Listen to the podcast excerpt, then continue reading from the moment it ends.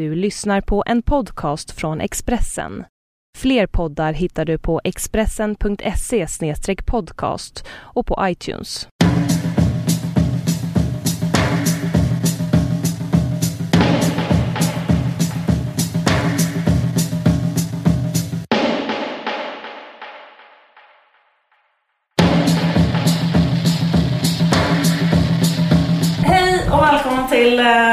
Den här podcasten som heter En varg söker sin podd. Den görs av eh, den här kvinnan som heter Liv Strömqvist och eh, den andra kvinnan eh, heter... Caroline Ringskog Fredda Norlin. Tack för att du kallar mig kvinna. Eh, eh, vad, vad tänkte du att du skulle Jag blev kalla bara smickrad, det kändes sällan jag hörde. Jag förstår. Jag känner mig vuxen. Men fortsätt. Hur är läget? Eh, jo, det är bra. Hur är det själv? Det är fint. Det är jättefint. Det är en underbar höstdag. Förlåt, jag drack kaffe. Det är faktiskt en underbar höstdag. Jag är i Malmö och du är i Stockholm och vi spelar in på telefon. Precis. Ehm, vad har hänt sen sist? Ja, så mycket. Jag var och kollade på en ehm, performance i uh, fredags. Mm. Eller lördags menar jag. Och det, var, det finns en sån skitbra performance-studio i Malmö som heter Lillit Performance Studio. Du vilken det? Vi har ju varit där. Absolut, absolut. Tillsammans. Ja, den är skitbra. Eh, och så var det en eh, performance av en eh, kvinna som heter, eh, också en kvinna, en tjej, kvinna. Nej men en, en tjej som heter Lina Syb, en estländsk eh, performancekonstnär. Ja. Eh, och då tänker man ju såhär, man bara, åh, en performance av en estländsk performancekonstnär. Alltså det låter så himla, Kul. som att det är smalt. Ja, ja, det gör det. Alltså Estland tips jag för att det kanske är lite, vad ska man säga, det är inte, låter inte så amerikanskt. Inte så brett kanske. Nej, precis. Men så får jag säga en sak om performancekonsten som konstnärlig riktning. Yes. Att det är så jävla folkligt. Alltså det är så fruktansvärt... Det är så fruktansvärt lättillgänglig konstform. Men, Alltså det är så himla konstigt den här missuppfattningen. Eller typ jag tänker på um, Jan Hägglunds klassiska uttalande om det här svårartade performance-vrål. mm, mm, mm. Eh, att det är så fruktansvärt lätt att ta till sig en performance. Att det är så här, det är som, alltså performance borde ha samma status i vårt samhälle som liksom dansbandsmusik. Eller mer än dansmusik. Det borde ha, ha samma, samma status som Melodifestivalen. Typ. Så svennigt, eller så lätt, lättillgängligt är det. Ja. Ofta. Har du ett exempel? och- Ja, jag får höra. Ja, här, den här performancen är ett exempel. För vet du hur den var? Det var så här, den handlar om att hon har varit mycket i Kina och att Kina är en diktatur. Och då börjar det så här, och att det är obehagligt att vara i en diktatur liksom. Ja. Eh, och då är det så här, ja men då får man komma in där så blir man så här, eh, liksom, eh, man har byggt upp som ett mini-Kina inne i massa olika gångar och grottor och Alltså på det sättet att man blir hela tiden typ övervakad och omhändertagen. Liksom, man kommer in dit, man får stå i en kö, någon tar en skor, man vet inte varför man är där. Man får gå in i ett eh, annat rum, där är det någon som tvingar en att upprepa någon så här kampvisa. Som handlar om att eh, kapitalismen är som soluppgången typ. Man får inte säga någonting, man ser hela tiden någon står och tittar på en och tar anteckningar. Man går vidare, man går förbi en vägg där det finns där AK-fyror på ett väldigt obehagligt sätt. Alltså förstår du? Man går in i ett annat rum, där är det kanske någon så här städerska som man ser bli så här sextrakasserad av en eh, chef. Eller du vet så här, fast man är en grupp och någon säger till något. Alltså man fattar att man vågar inte säga till för att man är, alltså du vet så här. Alltså det är, är liksom jätte, jätte, jätte, jätte effektivt sätt att direkt så här. Jag kan liksom inte komma på något mer så här effektivt sätt att förstå så hur det är till exempel att leva i ett sånt slags samhälle där det finns ett jätteobehagligt så här hotande våldsmonopol, ingen yttrandefrihet, hela den mm, Istället för att läsa en bok som är lite jobbigt eller kolla på en film, man måste ändå lyssna. Alltså här är det så här ett sätt att bara så här injicera känslan av diktatur direkt. Och man får en sån slags emotionell och väldigt direkt eh, förståelse för någonting som, som man liksom inte hade, som man kanske inte kan förstå. Alltså typ så. Mm, det är väldigt konkret liksom. Eh, väldigt, väldigt, väldigt konkret. Och också liksom nästan så här för enkelt. Eller fattar du som performance? Alltså jag tänkte så liksom att alla människor skulle kunna bara gå igenom den. Det borde, eller du vet, man skulle kunna göra det i skolan. Men- Till exempel. Eller i alla skolor eller vad som helst. Eller i alla arbetsplatser eller någonting. Bara att veta så här, "Jaha, är det så här det är typ, att vara i en diktatur? Ja, men kommer du ihåg Ehm. när vi var på performance och såg um, Ann-Liv Young heter hon och då så Det smet, så jävla bra. då smetade hon in sig själv med bajs. Ja. Eh, var det konkret? Det var liksom en av... Ja, jag tycker det var extremt konkret. För det var liksom, det som hände var liksom att hon så här psykade, kommer du ihåg vad som hände sen? Ja. Det låter som en performance, det låter som en dålig performance-klyscha att smeta in sig själv med bajs. Men det var så fruktansvärt bra. Typ så här, först var hon Askungen. Ja. Jag tycker också nästan var en övertydlig performance. Först var hon Askungen, hade på sig kanske något glittrigt. Ja. Sen flippade hon ur, låg i ett hjärta med kni- som var gjort av knivar, smetade in sig själv med bajs. Som jag stal sen, jag måste berätta det. Det var så fantastiskt bra scenografi. Och sen så Ja. när eh, en tjej på Teaterhögskolan skulle sätta upp en pjäs av min roman så hade jag så här skamlöst föreslog jag det som scenografi. Och det gick igenom och det gick på Stadsteatern. Men det, jag tror ingen... Var det knivar på Ja, golvet? det var så jävla fint, förlåt. Ja men det låter så jävla fint. Men vet du att jag stal det till försättsbladet till en av mina serier. En serie som heter Diana-dagboken. Och då är liksom försättsbladet är bara en massa knivar som ligger i en rad. Men vad sjukt att vi har, att vi har en simultan stöld. Eh, som, eh, men, Ja. men, det var, men det var fruktansvärt vackert alltihopa. De satte det där Ja. knivhjärtat som en sjö av eh, gnistrande, så här, de där gnistrande bladen. Det var så otroligt vackert. Men sen så kissade hon på publiken, minns du det? Nej, det var faktiskt inte på den. Det, hade, det, hade, det var ett, en annan Ah, okej. som hon gjorde på inkomst. Okej, sorry. Då kanske du kanske var där då också, men Ja. det var faktiskt ett annat tillfälle. Jag har varit på henne två gånger på inkomst, men, men jag måste bara berätta vad som hände med det där. För då som, som jag tar först var hon Askungen, sen låg hon inte, så handlade det om så här, mm, jag är destruktiv nu, som jag in mig själv med bajs. Sen slutade med att hon så här förpackade det bajset i små, små påsar. Kommer du ihåg Ja, det? just det. Och sen sålde det till publiken. Och sen så, så stod hon och skrek så här, vem vill köpa det här bajset? Då skulle hon sälja det. Ja, just det.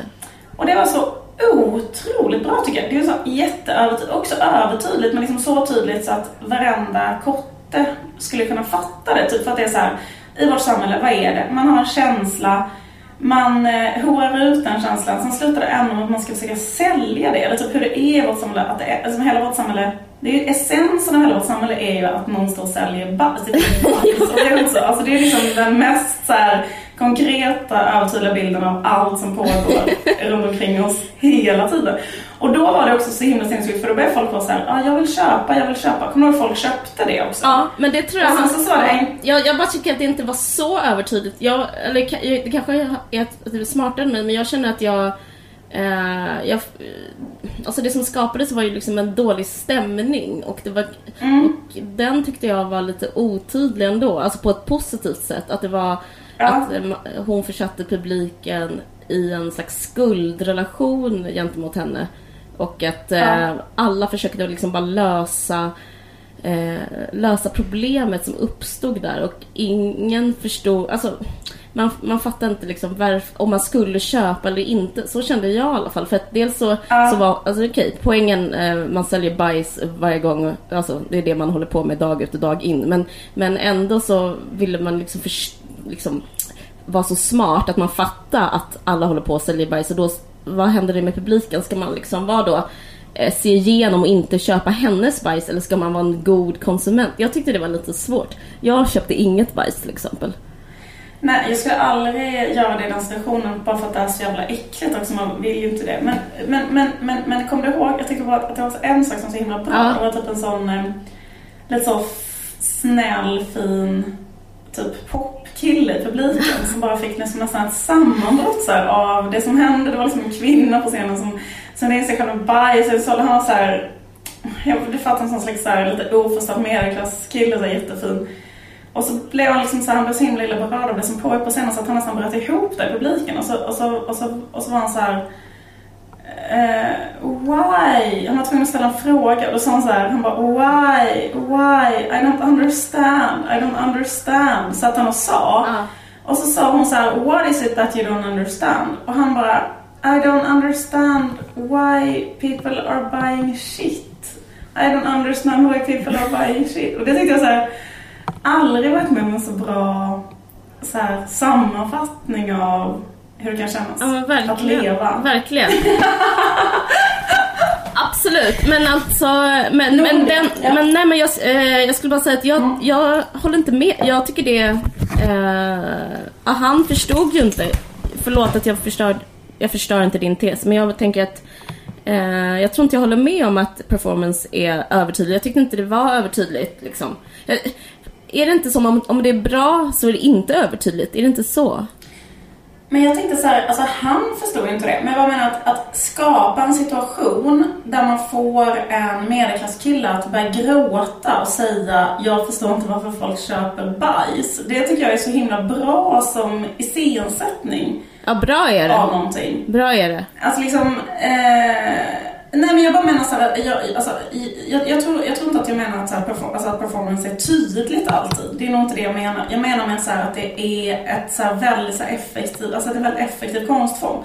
Ja. Som liksom eh, borde vara mycket mer, eller vissa, det kan vara lite märkligt tycker jag ibland när vissa, vissa konstriktningar har ett rykte om sig att vara svårtillgängliga när de egentligen inte är det. Ett annat, ett annat sånt är poesi. Mm, just det, just det, just det. Alltså alla människor, är det något som folk älskar i det här samhället så är det ju att få en rad som säger någonting. Och det tycker jag man kan se i typ varför folk håller på så jävla mycket med låt, älskar kanske en låt, det är jättebra av en låttext eller jag ska gå på en Kent-konsert, fattar du vad jag menar? Mm. Eller ska köpa en bok om aforismer. Alltså det är liksom mm. ett djupt så här, jätte jättesvennigt allmänmänskligt behov. Mm. Ändå är det som med poesi, man bara, poesi är lite svårt, eller typ såhär, det är det inte alls. Alltså det är liksom inte alls, nu är det väl att den poesin som ges ut är svårt längre, men liksom potentiellt sett känns det som att poesi är liksom en slags folkrörelse liksom. Ja men absolut. Jag tror det handlar om att uh, någon slags rädsla för poesi mer än själva ja. poesin. Det är lite som uh, som ångest. Alltså det är, rädslan för att få ångest är värre än ångesten. Alltså det är, jag håller verkligen med dig. När man sitter där med en diktbok så sitter man ju bara och mår. Liksom, eller hur? Ja. Det är absolut inget, det är inget med det liksom.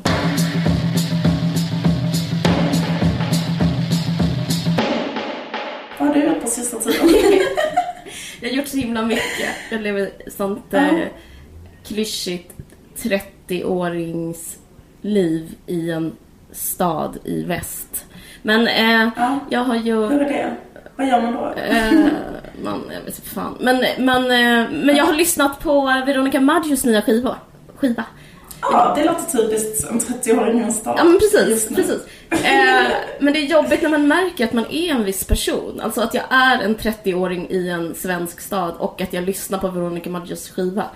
Eh, förstår vad jag ja. menar? Att, att eh, det är ändå så här, även om poesi och eh, performance är lite mer, om din tes att det är lättillgängligt så är det liksom ännu mer lättillgängligt att lyssna på den här skivan. Alltså jag känner mig eh, jag känner mig... Men är inte hennes grej ganska mycket, jag har inte lyssnat så mycket på henne, men är inte det mycket att hon är, är bra på att skriva texter, att hon säger något i text jo. som berör? Är inte det lite, är inte det lite jo. den här grejen att det outsinliga behovet av en rad som beskriver eh, att leva, typ. Eller så här. Jo, så är det. Så är det. Men samtidigt så...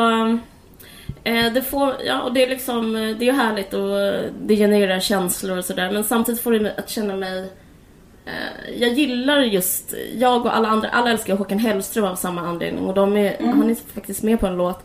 Nej men, jag vet inte. Det liksom får mig min värld att krympa att gilla den om du förstår vad jag menar. Alltså, jag, jag, jag, gillar inte reflektionen av mig själv i det. Liksom, jag, jag tänkte på det mm. för att jag har till exempel rätt så många kläder från sådana här medeldyra svenska designers typ. Jag, jag har typ Acne-kläder Mm. Och så lyssnar jag på... Har du verkligen det? Men okej, så förlåt. Så typiskt är, det, det är att ifrågasätta om jag har acne-kläder. Jag har det. Jag har wired skor.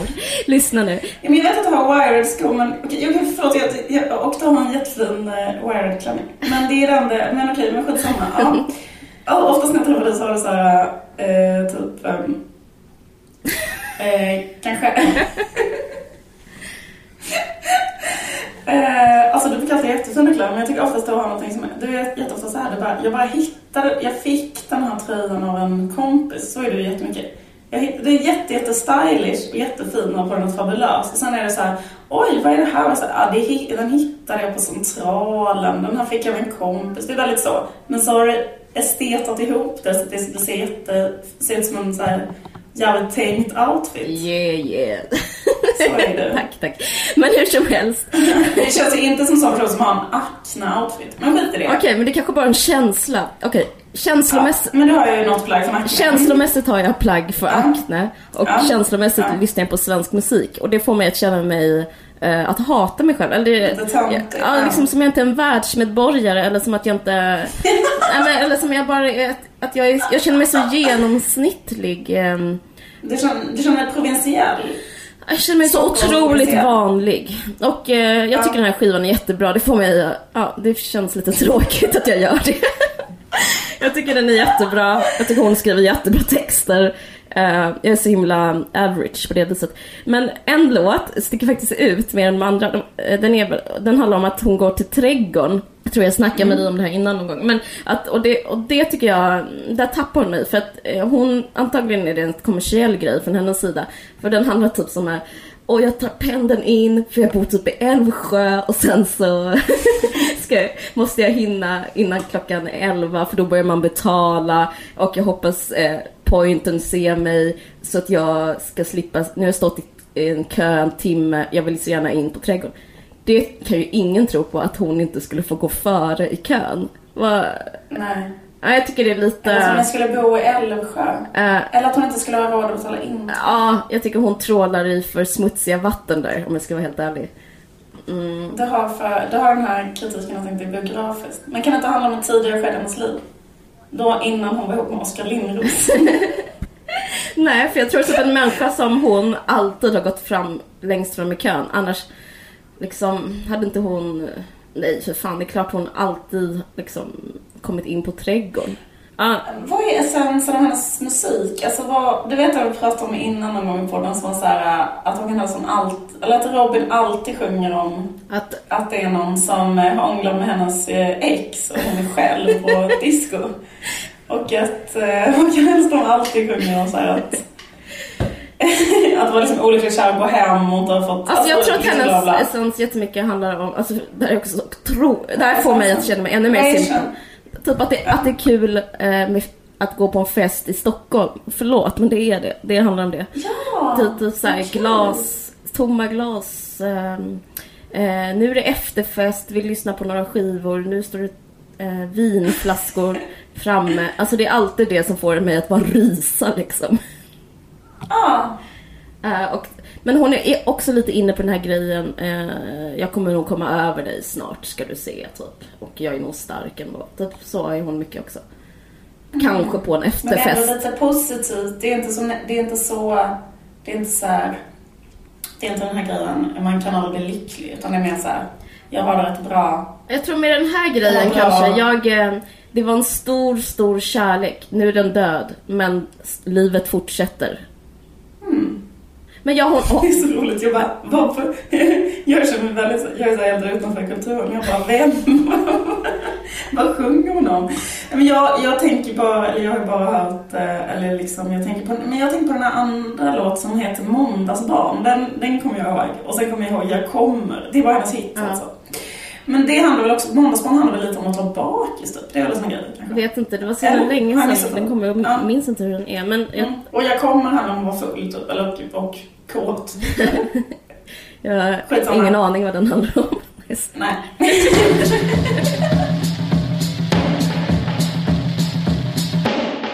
Nu måste jag bara göra, jag lägga en, jag jag ska lägga en metakommentar. Ja. Eh, Jag var på eh, PK-debatten. Jag ska återkomma till det här sen. Men Stina Dabrowski sa till mig som... Berätta bara för folk som eh, lyssnar vad, P- vad PK-debatten är för något. För det låter ju som att det är något annat än vad det är. Ja. PK i det här sammanhanget står för Om publicist. folk inte känner till det så vill inte jag att ni ska vara mina lyssnare. Skoja. Eh, jo, så här. Det är Publicistklubbens eh, måndagsdebatt eh, och handlar om olika ämnen. Mycket är det så här, är journalistiken i, i fara? Gammal media versus ny media. Det är mycket den vibben. Eh, Mm, det är så väldigt gamla journalister med i publicistklubben. Ja, alltså, det är liksom som att vara på bokmässan, att vara med där. Alltså jag var yngst. Alltså jag kände mig som, Mm. eh, jag kände mig nyfödd när jag var där. Alltså det var så, det var så många russin i publiken. Eh, jag kände att jag gav folk liv. När jag, alltså att jag, ja, det var underbart att vara där på det sättet. Men Var det så att du var där och pratade om poddfenomen? jag pratade om din, jag pratade om din och min podd. Ja, det är fantastiskt. Eh, men, men, eh, Du var inbjuden för att prata om din och min podd. Ja, nej, jag var inbjuden för att Och- prata om och- reklam. Ja. Okej, men nu berättar jag den här ändå. Jo, jag var inbjuden för att prata om eh, publicister till salu var ämnet. Och det handlar om Mm. den här grejen att bli sponsrad eller inte. Och vi blir ju inte sponsrade. Eh, vi jobbar för det här ideella företaget Bonniers, men liksom vi blir ju inte... Nej, men jag menar, vi blir inte direkt Vi sponsrade. är Expressen, exakt. Vi, vi är Expressen. Ja, Precis. Vi, det är självklart. Mm. Men vi blir inte sponsrade, vi läser inte upp jinglar och sådär till exempel som eh, många eh, Men precis, vi läser inte så här. Tack den här äh, försäkringen och sånt. vi. Nej, det gör vi ju inte. Eh, Så det var därför vi snackade om det. Eh, Men eh, överlag, eh, det förvånade mig för att det är så otroligt positiv stämning gällande att, reklam, tycker jag. Och det är inte bara i poddvärlden, men jag tycker det är så otroligt tummen upp så fort någon vill hålla på med reklam. Har du, märker du det här på något sätt? Det var liksom ingen som var negativ till spons, alltså alls. Ingen gammal, ingen ung. Ja, det var liksom bara, ja, ja, ja, det var bara jag. Du blir jätteförvånad höra. Ja, Men vadå, var inte de här gamla journalisterna negativa till att man ska göra journalistik som är sponsrad av företag? Nej, de, de, de har så dåligt självförtroende tror jag. Stina sa så här, "Här, att på min tid, typ när jag jobbade på Ekot, då skulle jag så här eh, då, då skulle jag hellre dö än att vara sponsrad. Men det är ju bara jag, det är bara jag. Det är ju bara, eh, jag är så gammal och liksom ingen, eh, alla liksom skämdes för sina egna eh, gamla ståndpunkter. Mer så att det var Ja, det, de kände sig ute som, som om de skulle hysa den åsikten. Så det var jättekonstigt för då var det liksom bara jag som var så här pyttelite kritisk. Eh, och, eh, och det var, som, det var jättekonstigt för det satt ingen där, ingen så här skjutjärnsreporter som tog ställning. Jag, jag bråkade med Lennart Ekdal. Han, han eh, viftade väldigt mycket med händerna när han pratade, gestikulerade väldigt mycket. Så största delen av samtalet hade jag typ hans stora handlabb i mitt ansikte. Det jättem- det var jättemånga som kom fram till mig efteråt och frågade hur det kändes att han hela tiden eh, viftade mig i ansiktet. Och sen så fick han klagomål på det efteråt. Eh, det är roligt för det finns på film, man kan se att han hela tiden är så här talk to the hand, talk to the hand med mig. Det är jättesjukt faktiskt. Men var det ett italienskt liksom, gestikulerande eller var det mer att han liksom puttade, gjorde så här... Jag tror det var någon Var slags här- Jan Guillou eh, imitation som är så här eh, liksom, ja, lite så italienskt fast en stel italienare om du kan tänka dig. Så var han hela tiden. Eh, att han liksom han satte handen framför mitt ansikte och lät den vara kvar medan han pratade. Jag fattar. Men alltså, och, och, och han var då för... Ja just det, för han har börjat göra så här Aftonbladet TV. Ja, han, gör en TV för Handelsbanken. Och det sa han att Förlåt. Ja men och då sa, och då sa, sa jag, och han bara, då sa han så här en retorisk fråga. Om någon här kan ge mig ett argument för att det skulle vara att sälja ut sig själv så är jag idel öra. Alla bara eh. Ja, han bara, det är, jag har inga som helst så kritiska, jag har, eh, jag har inga restriktioner, jag får vara hur kritisk mot Handelsbanken jag vill, bla bla bla. Och då så sa lilla jag så här, men eh, bara det att eh, du har den loggan liksom hela tiden när du säger någonting whatsoever. Eh, kan inte det typ anses vara en slags PR? Och då bara skrek han så här. Så vad föreslår du istället? Vad har du för svar till mig? Vad ska jag göra? Och då sa jag, Va? Alltså vad han ska göra med sitt liv om han inte gör Handelsbanken TV? ja, och då, det finns ju jättemånga idéer. jag vet, men jag sa, jag sa så här, eh, eh, jag vet Men det, är det, som, det var mitt enda alternativ. Ja, men- Han skulle gå på gatan. typiskt. Eh, men då sa jag så här, jag vet inte.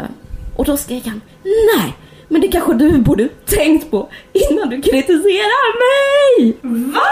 Detta finns på film. Finns det på TV? Jag vill se det här. Så jag bara eh, backade tillbaka, eh, klappade honom på handen framför mitt ansikte och tog, tog det lugnt. Det var väldigt här, Men jag tycker det är så himla sinnesfritt för att det är ju någonting man skulle kunna, alltså det är ju självklart att det är en, liksom ett Eh, stort demokratiskt problem om en människa som är samhällsjournalist liksom är sponsrad av Handelsbanken. Alltså det är ju fullkomligt sinnessjukt. ja, det är det väl. Eller du bara, nej, efter. Ja, han hade vissa argument där som... Men eller precis, och sen också bara så här, fast det är ändå så jävla vänligt om vi kallar Lennart Ekdahl för samhällsjournalist. Men jag, enda som, enda som försiggick i mitt huvud är när jag, eh, är historien när Malou och Ekdahl var på semester och Malous man har fobi för sand. De var i Thailand. Och eh, Lennart Ekdal hela tiden var tvungen att bära Malous man ner till havet. Det är det enda jag tänkte på. Var det inte tvärtom? Var det inte att Lennart Ekdal hade fobi för sand? För det var berättat den här historien för mig innan. Alltså jag, så som du har berättat den här historien för mig så är det så här. Malous man och Malou och Lennart Ekdal var på en semester på en sandstrand. Lennart Ekdal hade fobi för sand så varje dag så fick Malous man bära ner honom i vattnet när han skulle bada. Ja, det kan vara så. Eh, jag minns inte, jag, jag, minns, eh, jag minns det som att det var Lennart Ekdal bar Malous man. Men jag menar, det hur som helst, vem som bar vem. Är, det var i alla fall en man bar ner en man ner för en strand i Thailand och bad honom i vattnet. Det var det som försiggick i mitt huvud när Lennart Ekdal skrek eh, Jag får sån biblisk, jag får sån gammaltestamentlig bild i huvudet. Ja. Alltså att en man bär en man ner i ett hav och badar honom. Det känns som något som försiggick i i EU-Fröta Tigris. Hoppas. Nog om det. Men grejen är så här, jag har tänkt på det där med sponsring av poddar. Mm. För jag tycker det, alltså, um, det känns ju som att så här, det, det Stina sa det där med att uh, Ekot ska vara sponsrat. Alltså det finns ju liksom något så här enormt värde, förlåt en öppen dörr, men jag menar att man har då nyhetsjournalistik som inte är sponsrad. Men just poddar Ibland så kan jag tänka så med poddar att många av de stora poddarna som folk lyssnar på mm. eh, är ju sponsrade av olika företag. Och de poddarna berör ju aldrig, eller berör ju väldigt lite, alltså politik eller kanske konfrontativa åsikter eller eh, alltså överhuvudtaget. Det de poddarna ofta handlar om, det är ju så här det är något som podden har, alltså podden som fenomen har blivit kritiserad för också, att det handlar väldigt mycket om känslor och folks inre. Typ. Mm, mm, mm. Men då tänkte jag så här, en, en tanke jag hade om det var så att det kanske är för att de är sponsrade som de bara pratar om känslor. Alltså förstår du? Typ så här, om man är sponsrad av en stor marknadsaktör, mm vad finns kvar att prata om? Förutom så här, jag är kär i min fru eller jag är inte kär i min fru eller en gång när jag var liten hände det här eller ibland känner jag mig så här eller så. Jo, eh, precis. För det är opolitiskt. Och så det kanske är, är liksom därför som de bara pratar om, eller som podden som fenomen, alltså det kanske är därför den handlar så mycket om känslor. För, för att den är sponsrad? Ja, för att det är, det är inte att sticka ut hakan eh, att säga något mm. känslomässigt. Jo, men så kan det vara. Men det kan ju också vara an, alltså, jag tror lite från andra änden, liksom att, eh, vad ska man säga, eh, ta bort eh, eh vet notar och eh, if-försäkring från Alex och, Alex och Sigge tror jag ändå inte de skulle börja så här, granska makten. Nej, men jag tänker att så här, um, någon som ville granska makten ja. skulle inte kunna få pengar så då skulle de inte kunna göra en podd. Nej. Och då skulle inte den kunna bli så stor. Nej, precis. Eh, nej, men, eh, nej, men det, det, håller jag med om. I Sverige är det så i alla fall. Men i USA finns det massa eh, så politiska poddar som också är sponsrade. Det, det, jag fick reda på massa sånt här på det här samtalet. Um, för det var, det var, min kritik också. Alltså, eller det är en uppenbar mm. kritik liksom. Men uh, tydligen så finns ju liksom inga andra sätt. Så att uh, det, men det finns liksom sätt att bli sponsrad och ändå få bla bla bla. Men då liksom, det beror på vem man blir sponsrad av ju såklart. Alltså det finns ju ja, Klina, Decent. Ja. ja precis, eller om man blir sponsrad av, ett, så här, av en politisk intresseorganisation. Alltså så kan det ju vara. Då kan man ju föra fram den organisationens intressen etc. Exakt. Men det Stina sa mm. att hon har lyssnat på mycket poddar nu och att det, hon märkte stora skillnader mellan män och kvinnor.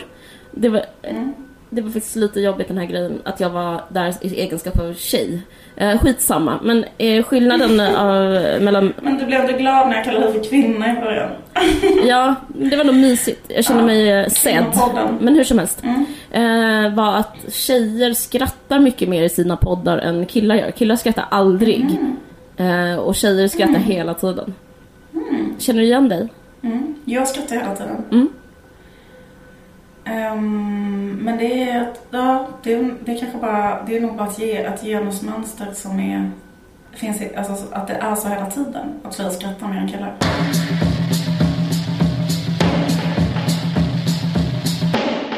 Har du sett Lukas Moodyssons nya film? Det har jag. Jag med.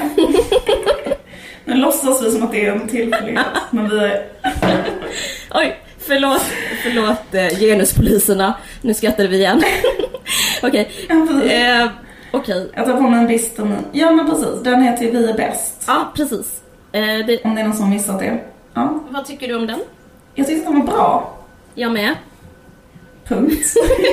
Slut på diskussionen. Nej men grejen är så här att jag, jag är mm, liksom vän med dem. Vi har blivit liksom successivt vänner och jag och Coco har, har blivit, vi har fått en mysig... Coco kan vi säga för lyssnarna att är hon som har skrivit, alltså manuset är baserat på hennes serialbum och hon är också gift med Lukas Precis. Nordisson. Och- Och hon är serietecknare. Ja, och vi är liksom kompisar nu så att jag, eh, jag, kan- jag, kan, jag är kanske lite bias. Eh, men jag...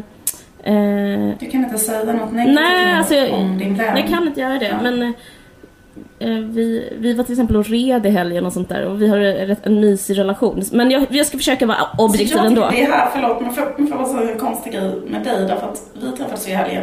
Ja. Då kom du plötsligt förbi, då hade du på dig helt nya kläder som jag aldrig sett innan. Då var du påklädd av Coco Moodysson. Då hade du så här en oljerock, ridbyxor, ridkläder. Liksom aldrig sett dig vara i närheten av hästar överhuvudtaget. Då skulle du plötsligt vara ute på Österlen och liksom rida på islandshästar. Men jag, Är det sånt du gör med din nya vän?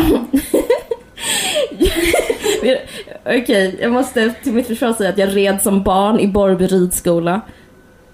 Du, du, det visste jo, det jag. visste du. Det, det har vi pratat om.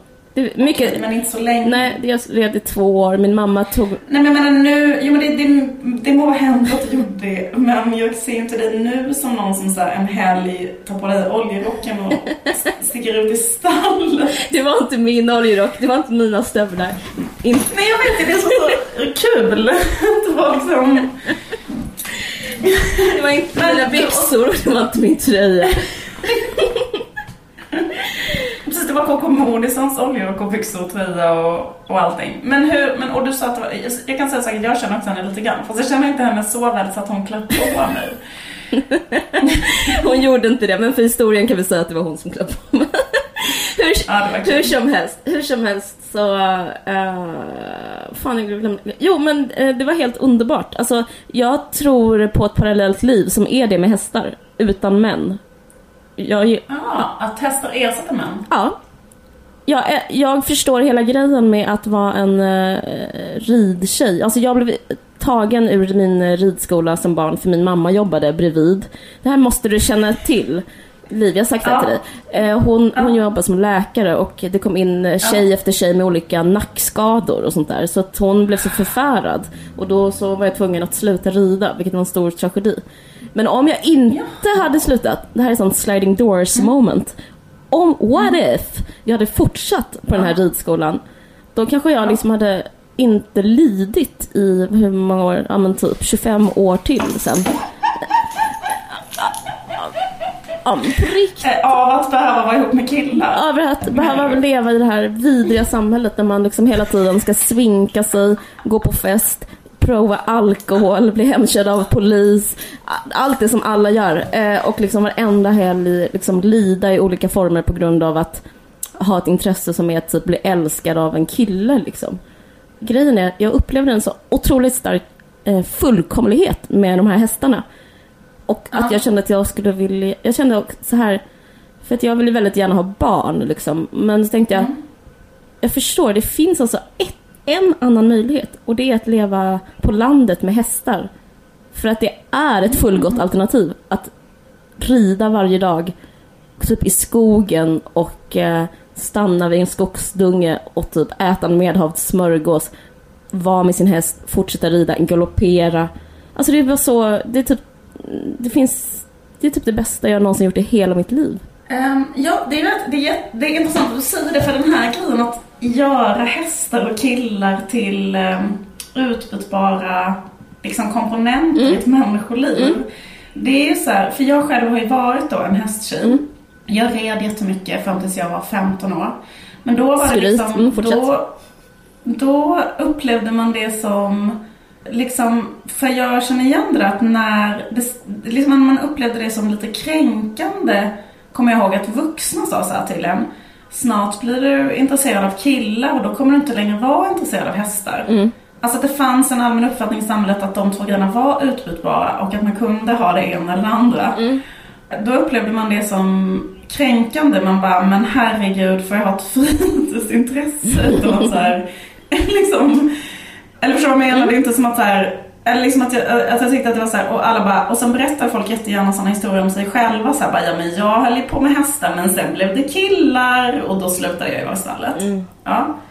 Men sen är det faktiskt sant att jag upplevde samma slags ehm, eh, skifte där. Mm. Att liksom eh, när jag väl började bli intresserad av de sakerna som du, alltså jag var ju en late bloomer. Ja, jag var early Jag- bloomer. Jag gick ju på disco Ja, i, i skinnkjol när jag var sju bast. Jag blev buss. Ja, du, du var ju det, men jag var ju en late bloomer. Och jag var ju väldigt mycket i en sån skyddad verkstad.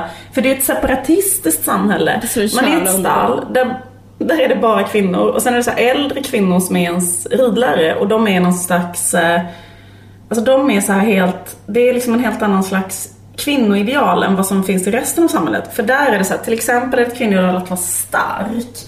Man, liksom, man, man ska kunna typ mocka eller bära grejer eller att vara hård. Till exempel att vara hård och bestämd och stark och kunna liksom, du vet, hela den grejen. Och att vara modig.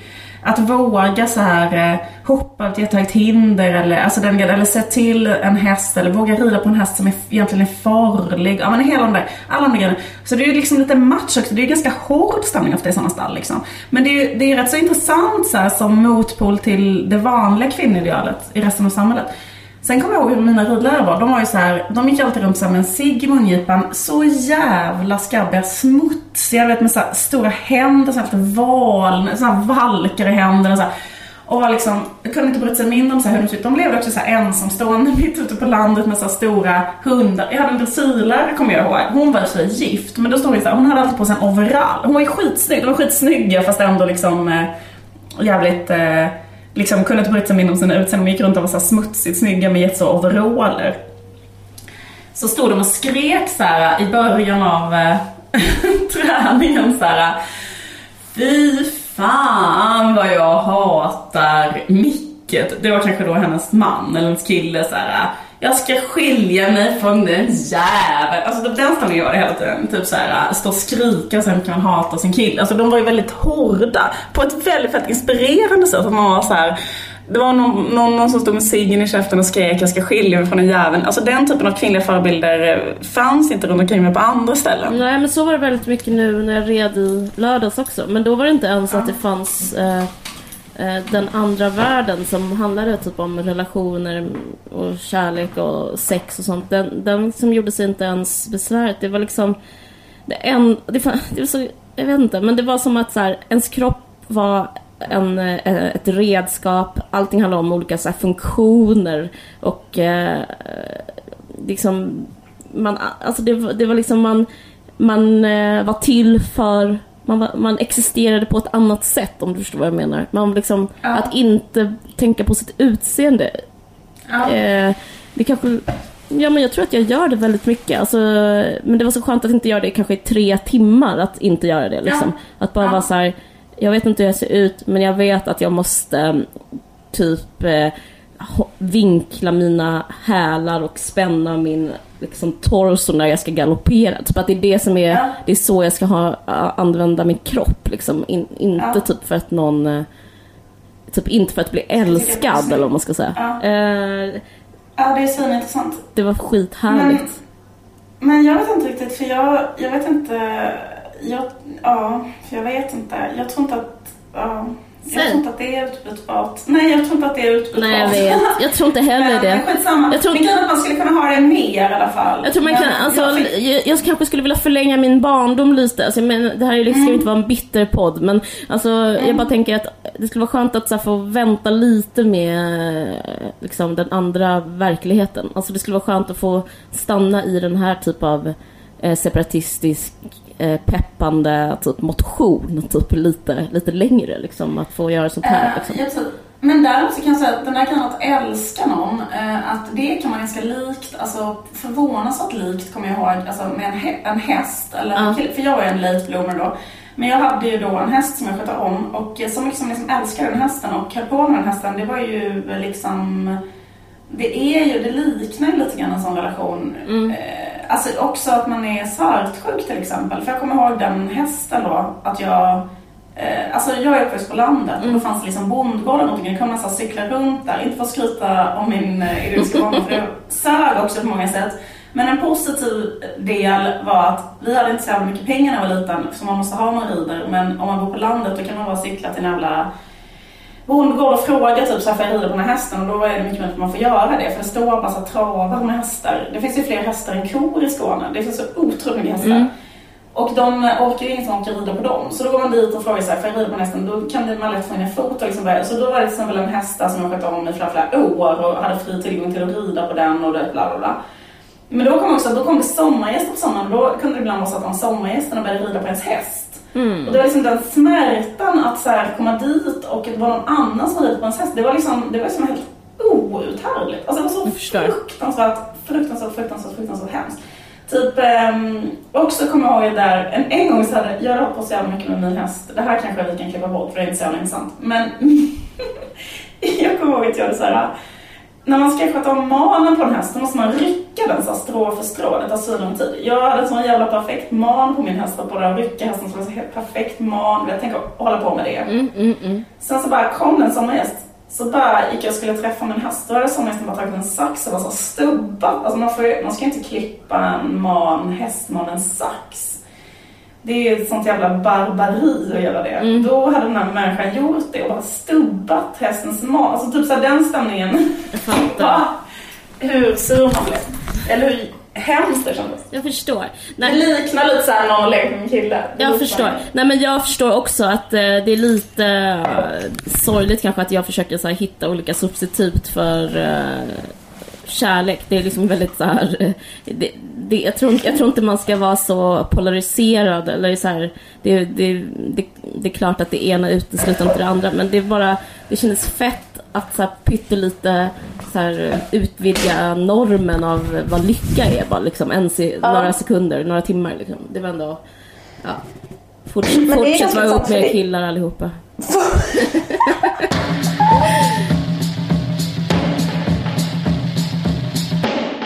Den här eh, filmen, Vi är bäst, Just eh, det. den handlar också lite grann om det. För att eh, det är ju lite den stämningen i patriarkatet. Att eh, tjejer ofta förpassas till det här rummet på något sätt som, som handlar om att man ska vara snygg och attraktiv för en kille och vara söt och så här.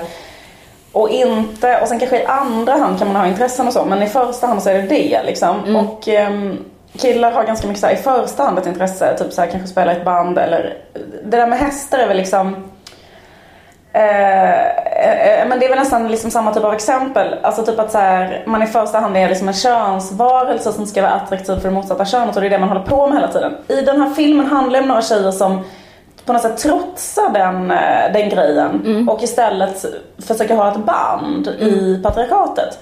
Men det, vet vad som är så jävla sjukt som jag tänkte på när jag kollade på den filmen. Nej. Att liksom, jag tror liksom att en stark motivation till att ha ett band när man är tonåring. Det är att man blir mer attraktiv om man är kille och spelar ett band. Alltså att det bidrar också till ens eh, ställning på köttmarknaden. Verkligen. Att spela i ett band.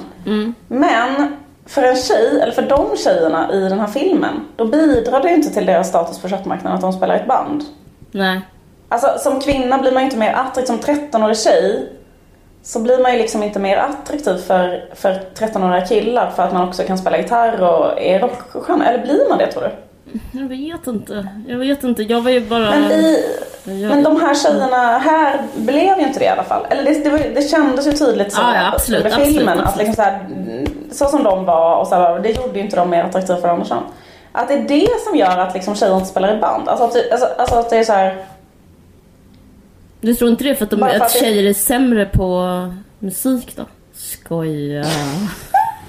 Alltså det, förutom det, att tjejer är, inte kan spela trummor till exempel. För det, är så, det är det jag har hört, men jag vet inte. Förlåt. Förlåt att jag inte tar det på allvar. Det gör jag. Ja. Jo, det är Men alltså. tänk om man kunde ändra det, tänk om man kunde ändra liksom här, Men jag kommer ihåg att jag eh, försökte ha olika band, men vad fan hände Ja. med det liksom? Det var... Men jag, men jag, jag minns speciella Du känslor. hade ju ett förslag att vi skulle band. Ja, Ja men jag Förlåt. typ nej men absolut, jag hade det med dig och med olika människor. Jag bara, kan inte vi ha ett band, kan inte vi ha ett band? Men, men det jag minns eh, som talade emot det var att eh, jag tyckte det var så fruktansvärt pinsamt. Det är lite som vår podd. Eh, Att det är fruktansvärt pinsamt att bara sitta där och ta det utrymmet. Och om det fanns typ en kille i replokalen så, så bara kände jag så här, jag vet att jag är jättedålig och du tittar på mig och då kan, kan man liksom aldrig träna liksom. Det var mest det, det som, där Ja. brast det.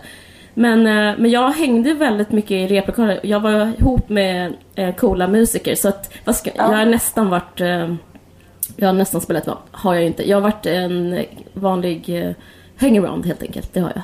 ja. Eh, det var ju typ ett ställe, när vi växte upp i Simrishamn eller utanför så Ja. fanns det så väldigt lite att göra. Det var som en Ebba Grön-låt på ett sätt fast eh, otroligt vackert landskap. Men liksom att eh, det fanns ingen lokal Det typ. finns inget att göra i den här trista förorten. Så så här, det finns inget att göra i det här Det trista rapsfältet. Ingenting här att göra. Inga för oss. Det finns bara jättefina Men ursäkta fält. nu överdrev lite grann. Vi kan ju knacka, supa och slåss i rapsfältet. I, bara de här vidsträckta fälten och jättevackert hav för oss. Bara Brösas backar för oss. Nej ursäkta nu överdrev jag lite. Det finns också Haväng. ursäkta nu, det finns också Haväng, det finns Brunnspark. Skitsamma. Eh, Det finns Alsten. Skitsamma. Gamla små fisken. Det fanns inget att göra. Nej precis, det fanns inget att göra. Det fanns inget att göra. Mm, ja. Det fanns bara otroligt pittoreska ga- gator som hade väldigt så här, lite ungdomskompatibelhet. Skitsamma, Ja. det jag ska säga är att det vi gjorde var att, var att hänga i en replokal dag ut och dag in. Eh, på, på nätterna och kvällarna. Och då bara satt man i en soffa och stirrade på killar. Så, Mm. Alltså så tråkigt. Ja, nej men det var ju, på, på det, det, det var ju liksom en total omöjlighet att så här, tjejer skulle ha ett band i den kontexten vi var där. Det fanns väl kanske liksom tio olika killband. Nej, det fanns inte så många. Det fanns tre kanske. Men det var liksom ändå, det var en helt inmutad, det var en väldigt så här, könssegregerad grej det där att hålla på med musik och vara en kille. Men skratta bäst som skrattar Eh. sist. För att nu fatt, när man är vuxen och eh, Mm. de killarna som håller på med musik har fortfarande kanske ett eh, band som inte är särskilt bra, som inte var särskilt bra då. Eh, Mm. Men, och jag tycker det är jättetråkigt att spela i band och jag tycker det är jättetråkigt att lyssna på band. Och jag har ett mycket roligare liv. Jag, alltså, jag tycker musik är så himla himla tråkigt.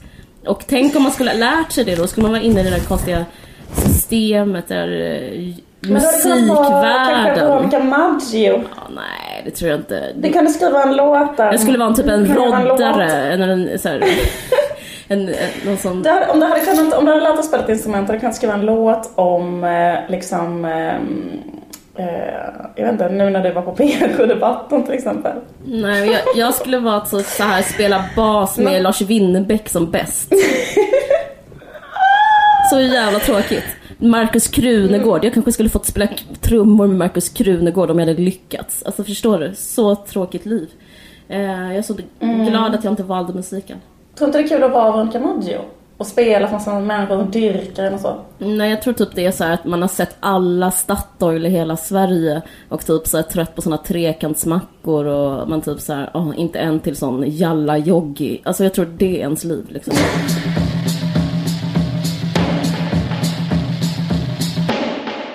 Det, det var eh, också kul tycker jag att återuppleva eh, liksom, för grejen att det, det jag tänkte också på mycket när jag kollade på den det var kul där med den här tomterocken. Nu har man inte sett den här filmen. Alltså det var ju väldigt mycket så här, den bygger ju väldigt mycket på så här rolig igenkänning från 80-talet överhuvudtaget. Alltså, och vi var ju också unga då, eller barn på 80-talet. Ja, men får jag säga en sak som är väldigt positiv med filmen? Bästa med är att den faktiskt har humor. Den är rolig. Det är ovanligt. Fortsätt, fortsätt spaningen. Nej men tomterockan är liksom en musiktävling i en gympahall. Jag tänkte på det för du och jag har också fått så här bevittnat väldigt många musiktävlingar. Det fanns ju en stor musiktävling som hette Musik Direkt. Men liksom så som jag minns på det här tycker jag är så himla konstigt nu i alla fall. För nu ska jag försöka återberätta. För liksom, hur gamla var vi? Då, då måste du, du kanske var... Du kanske 15. Var, du kanske hade slutat åttan. Sommar, var det sommarlovet? Åttan, mellan åttan och nian kanske. Nej men skitsamma, men det var så här. Jag var, vi skulle åka till Kristianstad, vi bodde hos din moster.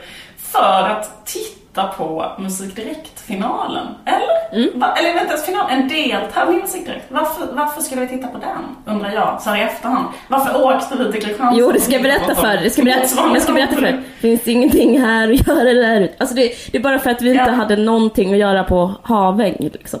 Eller i Simrishamn. Okej. Det, det är jätteroligt jämförelsevis med totalt liksom vakuum. Alltså jag minns det som otroligt kul. Ja. Alltså det var ju otroligt kul. Vi var där i Kristianstad, men det var också bara killband. Mm. Och vi började hänga med det här, med ett band. Vad var för slags band? Jag skulle man kate- kategorisera dem som ett hardcore-band. Nej, det var hiphopband. Var det ett hiphopband? Ja. Jag kommer inte ihåg. Exakt. Men exakt, jag kommer ihåg det för du hookade upp med sången i det här hiphopbandet. Kanske. Tack. Och jag hookade upp med en annan, eh, kanske basisten. Mm. Skitsamma. Men jag tror att han på något vis Men, men mig. ja, jag, Alltså, jag, min jag tror han sa, inte. han sa typ kanske till dig så här, förlåt men det känns inte rätt. Alltså det var så, Jag det var some nerve. Man bara, vad känns inte rätt exakt? Alltså så himla sjukt. Eh, Jag kommer ihåg det var jättekul. Eh, Eller det var inte jättekul då. Men det var så här. Men jag hade också en annan dejt på gång då kommer jag ihåg. Först så var jag mitt ena stopp. Men sen var det att jag hade så läst i Postis. Postis var en sån... eh, Jag hade få- fått kontakt med en annan grungeare. Jag var ju grungeare då. Som hade skrivit och då hade jag liksom en dejt med honom i, det var så här, vi, äh, vi som förstår att grunge är mer än nirvana hade en jättelill gammal brevväxling om det som handlade om andra band i Seattle.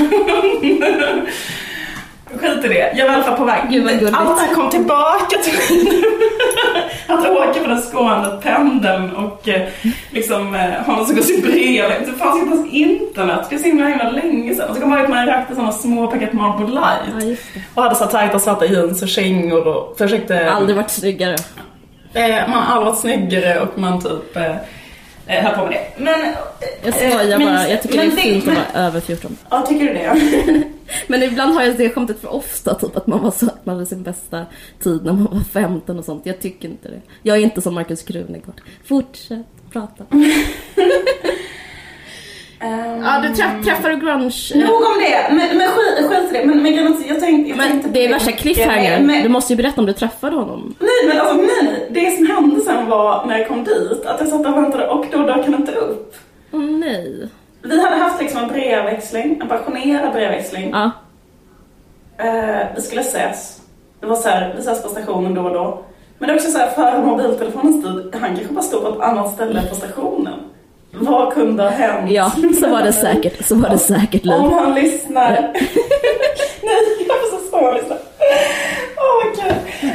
Nej, men, så det, först blev jag då nekad ett hångel med en sån hardcore basist. Hiphop.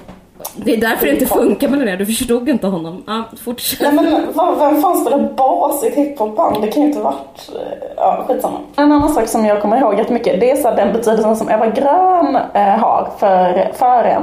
För det, Ebba Grön är med väldigt mycket i bandet. Och eh, så mycket som den skivan har betytt för mig, det är så här, det är ojämförbart Ja. med all, alla andra musikupplevelser typ. Det är det vi pratade om innan, att hur mycket Rädda min döden betyder för en och sånt. Men liksom typ så här, jag det är så kul när man är i den åldern för att det går från att man kanske tittar på en Disney-film och lyssnar på kanske, eh, jag vet inte vad, Whitney Houston kanske, eller så här, och sen från en dag till en annan. Det kan gå bara en dag eller en timme eller sådär när man kommit över den eh, den Ebba Grön-plattan som kom ut då, alltså, nu, alltså jag, förlåt att jag pratar som att alla vet när jag var, eh, gick på högstadiet. Men alltså, i mitten av 90-talet så kom det ut en sån samlings-CD med typ olika, skitsamma, som var så en klassisk samlings-CD med Ebba Gröns låtar. Och då, började alla, då liksom fick de någon typ av uppsving igen lite grann. Men jag minns att vi satt, jag vet inte om du var med då, för jag tror att eh, du var liksom lite coolare än mig. Så att jag satt med typ de som var två år yngre, alltså fjortisar. Vi satt i, under Brunnshallen. Det var en eh, ICA-affär som hade en väldigt Ja, stort parkeringshus. Och där satt vi. Man sitter i en kundvagn. Man sitter i en kundvagn i Ja. eh, ett parkeringshuset. med en flaska Aurora, som är det här körsbärsvinet. Och sen sitter man och sjunger låt för låt eh, på Ebba Grön-plattan utan till eh, Och sjunger kanske liksom eh, tar, eh, såhär, ja, mental istid och Dimauer och, och liksom eh, Det var typ så vi, eh, det var så, det var en helg liksom. Mm. Det var väldigt... Eh, men Jag kommer ihåg att jag... eh, Vad sa du? Nej men jag vet inte, jag, när jag tänker på det tänker inte jag att det var så kul. Jag fattade redan då att det var lite, lite åt det tråkiga hållet. Att det fanns något annat i livet. Ehm, jag tror att jag hade liksom en väldigt så här, egen upplevelse för att jag hade ett band med min freestyle. Så jag kommer ihåg, alltså, jag tror att, att, att jag, så som jag upplevde det så hade ingen runt omkring mig här- lyssnade på det och som började jag lyssna på det och fick uppvaknandet uppvaknande av att, att liksom kunna vara en egen människa. Eller typ, jag kommer ihåg att jag, att, att jag hade hemkunskap. Mm. Tänk att tvingas ha hemkunskap och ett jävla högstadium. Alltså hur mycket ångest det är och alla jävla idioter runt omkring en. Och sen det att man har en freestyle och man lyssnar på uppgång och fall kanske. Eller någon sån svinbra låt. Ehm, det är väl liksom väldigt mäktigt att ha en sån egen upplevelse. Sån upplevelse har jag. Väldigt stark. Men du, kan du, Egen men visste du att jag lyssnar på det? Tänk att vi lyssnar på varsitt, varsitt håll. Det är lite romantiskt. Ja men det tror jag kanske. Men, men grejen att vi lyssnade väl mer på vissa andra band tillsammans sen. För jag undrar om inte Ebba Grön var lite, lite före Ja. vi började Eller För jag menar? hade för jag, skivan för jag, också.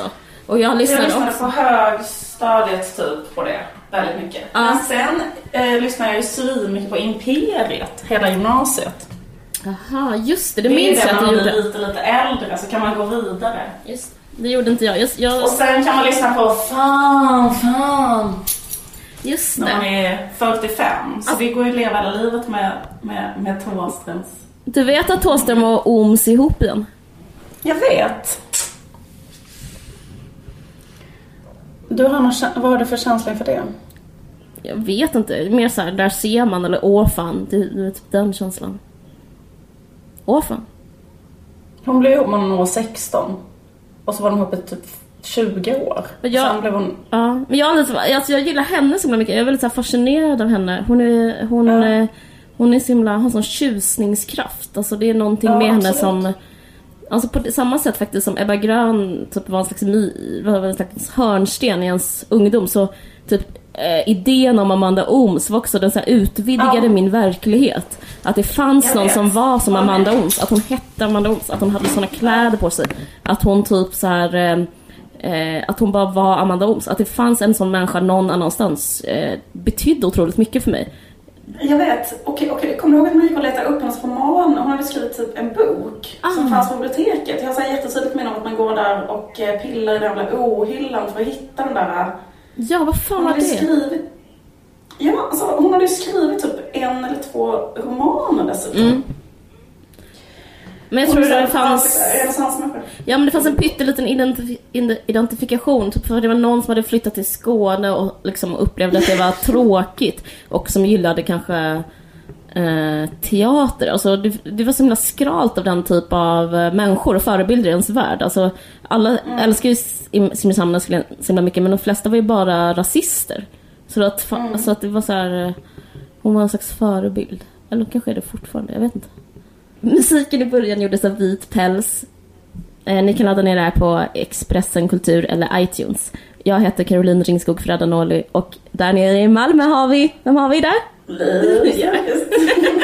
Vad kul. Eh, Tack, okej för idag. Hej hej.